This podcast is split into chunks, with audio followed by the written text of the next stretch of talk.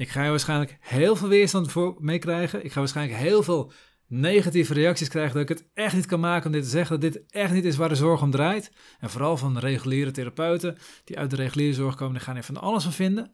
Maar ik ga toch zeggen, deze podcast gaat over hoe je meer geld kunt verdienen in minder tijd. En het antwoord op die vraag is ook heel simpel: door meer waarde te bieden. De enige manier om meer te verdienen is door meer waarde te bieden aan meer mensen.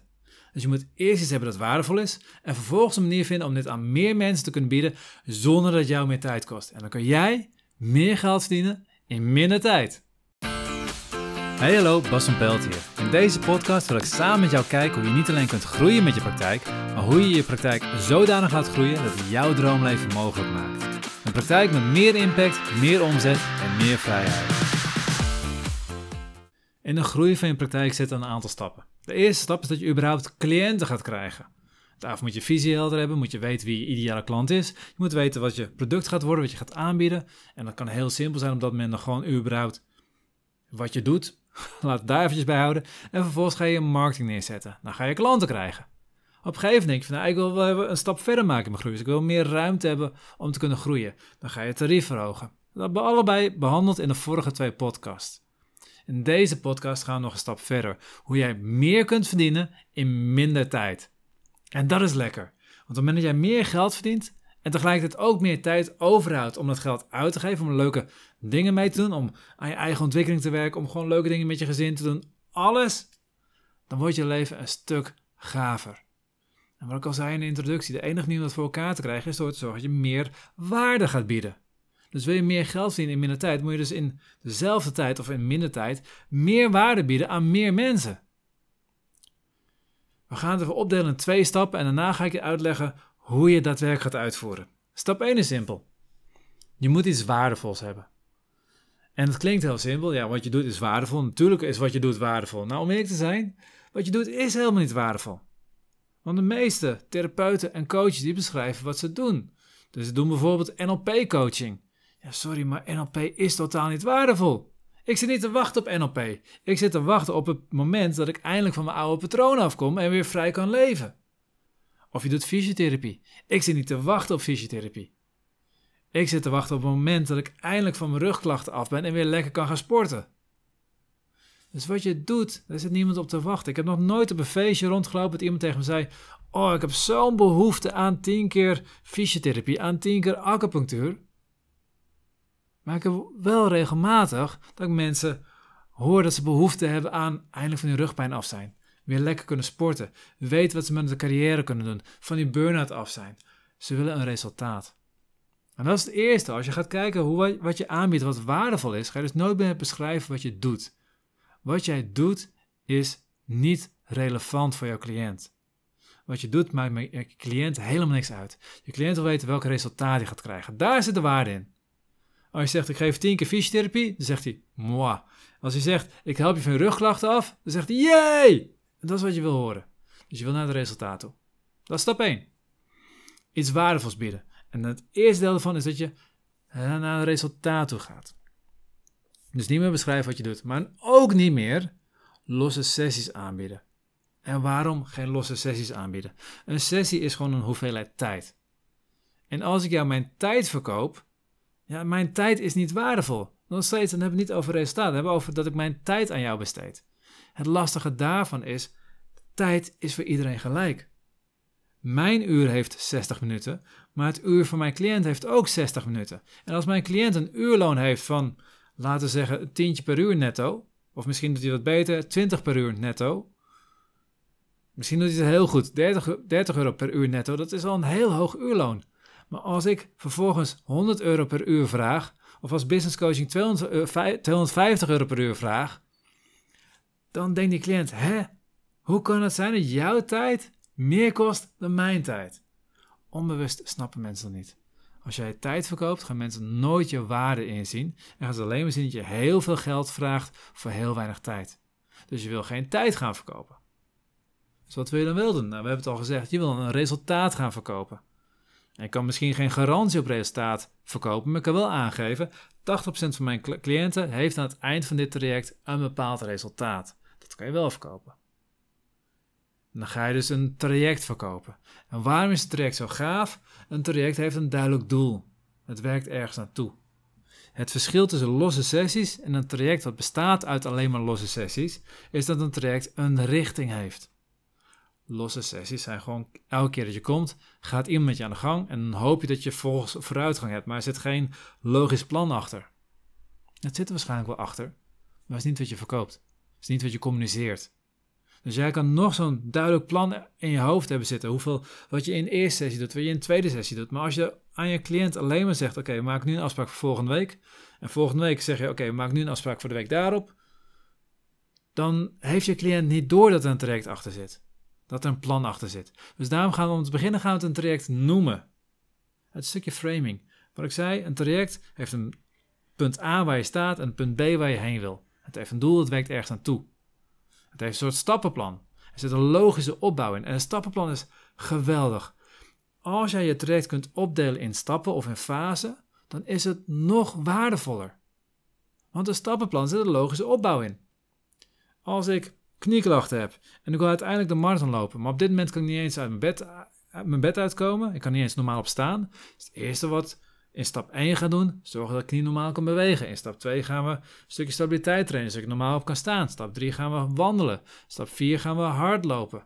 En in de hardloopfase zit de eerste fase dat je een klein beetje gaat hardlopen en daarna de fase dat we gaan uitbreiden.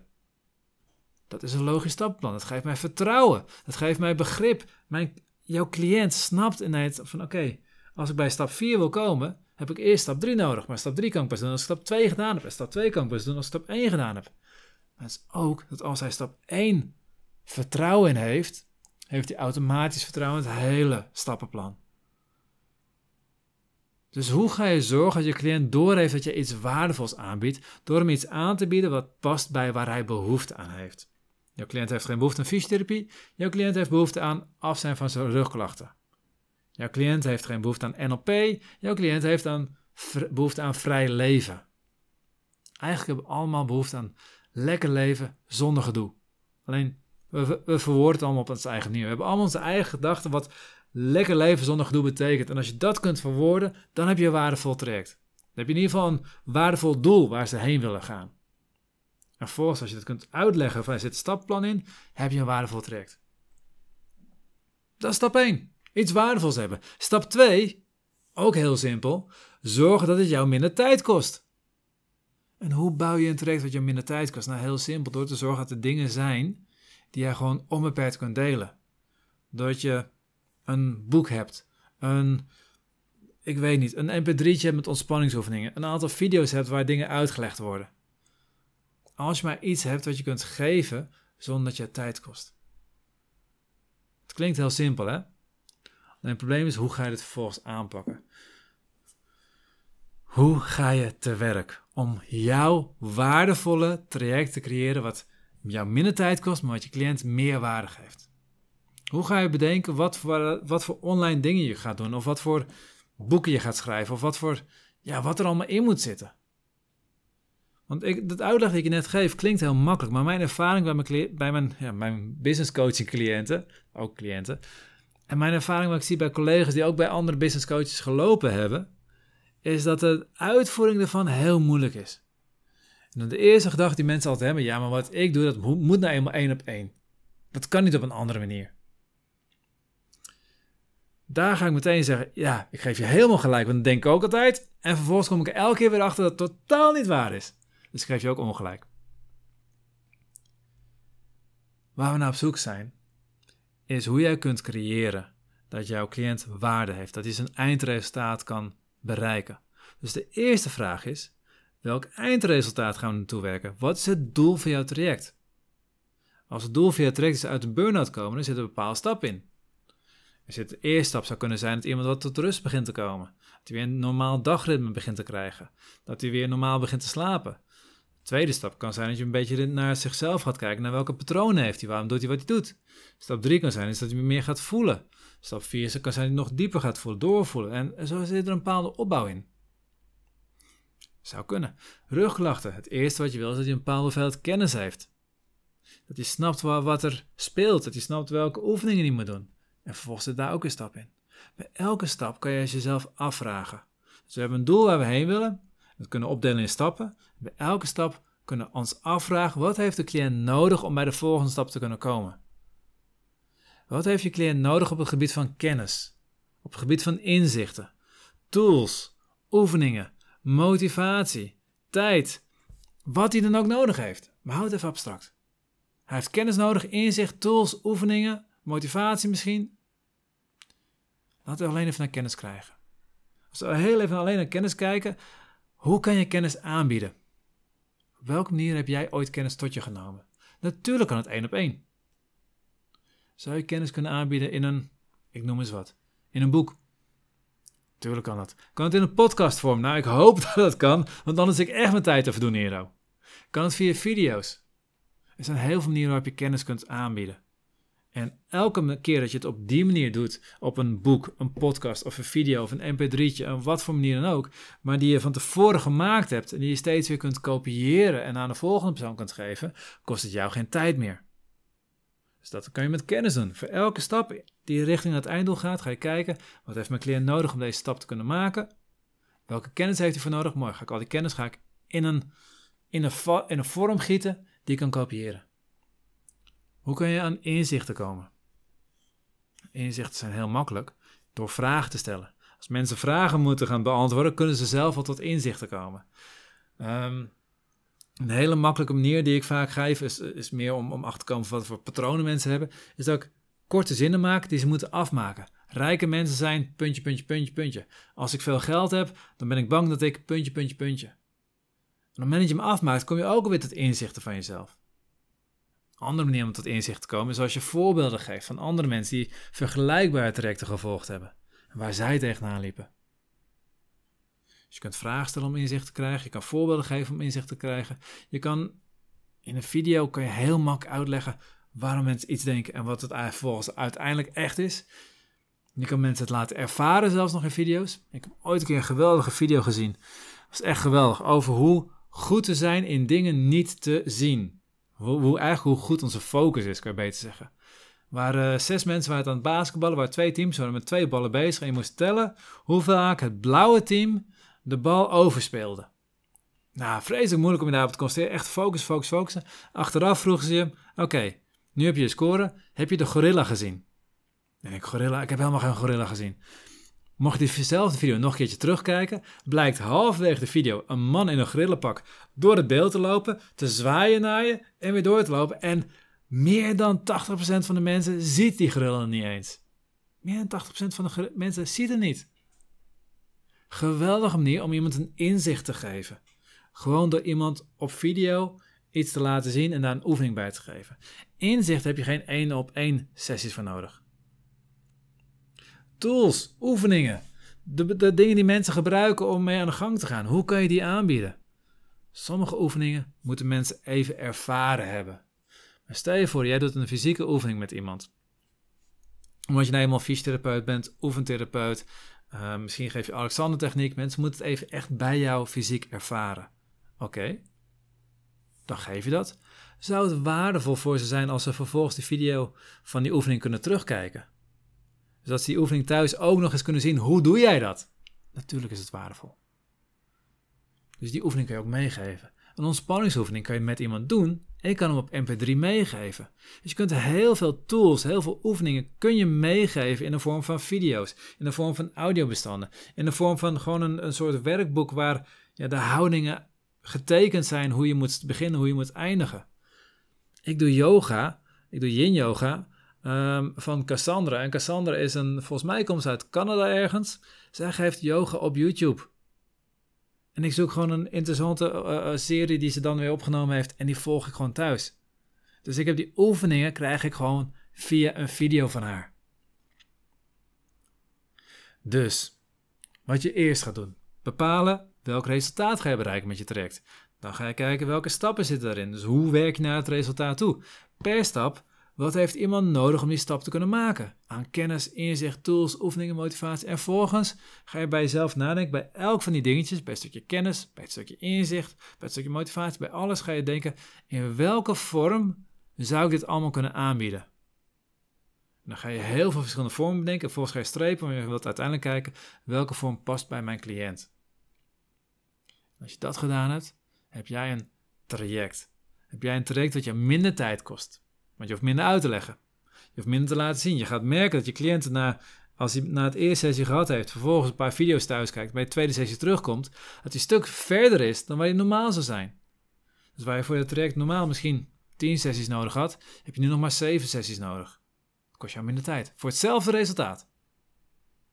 En je gaat ook zien dat je dit kunt verkopen voor veel meer geld. Want het is waardevoller geworden.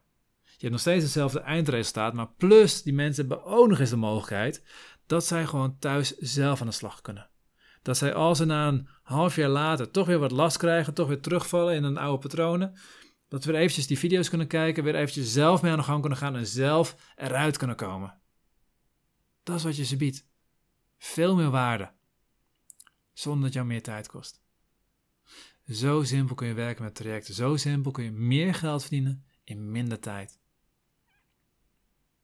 Ik kan me voorstellen dat je nog allerlei vragen hebt. Ik kan me voorstellen dat je tegen allerlei dingen aanloopt. Aan het eind van deze podcast eh, zeg ik altijd: ik bied een gratis strategie. ik kom niet eens uit. Een gratis strategie call bied ik aan. Neem even kort over telefoon door. Waar sta je? Waar wil je naartoe? En welke stap heb je nodig om daar te komen? En of ik daar iets in kan betekenen of dat ik je echt naar een compleet andere richting ga sturen waar je veel makkelijker en veel sneller resultaat kan krijgen. Want uiteindelijk heb ik er alleen maar wat aan als je resultaat krijgt. Want dat werkt veel beter voor mijn marketing dan als ik alles probeer te doen voor je.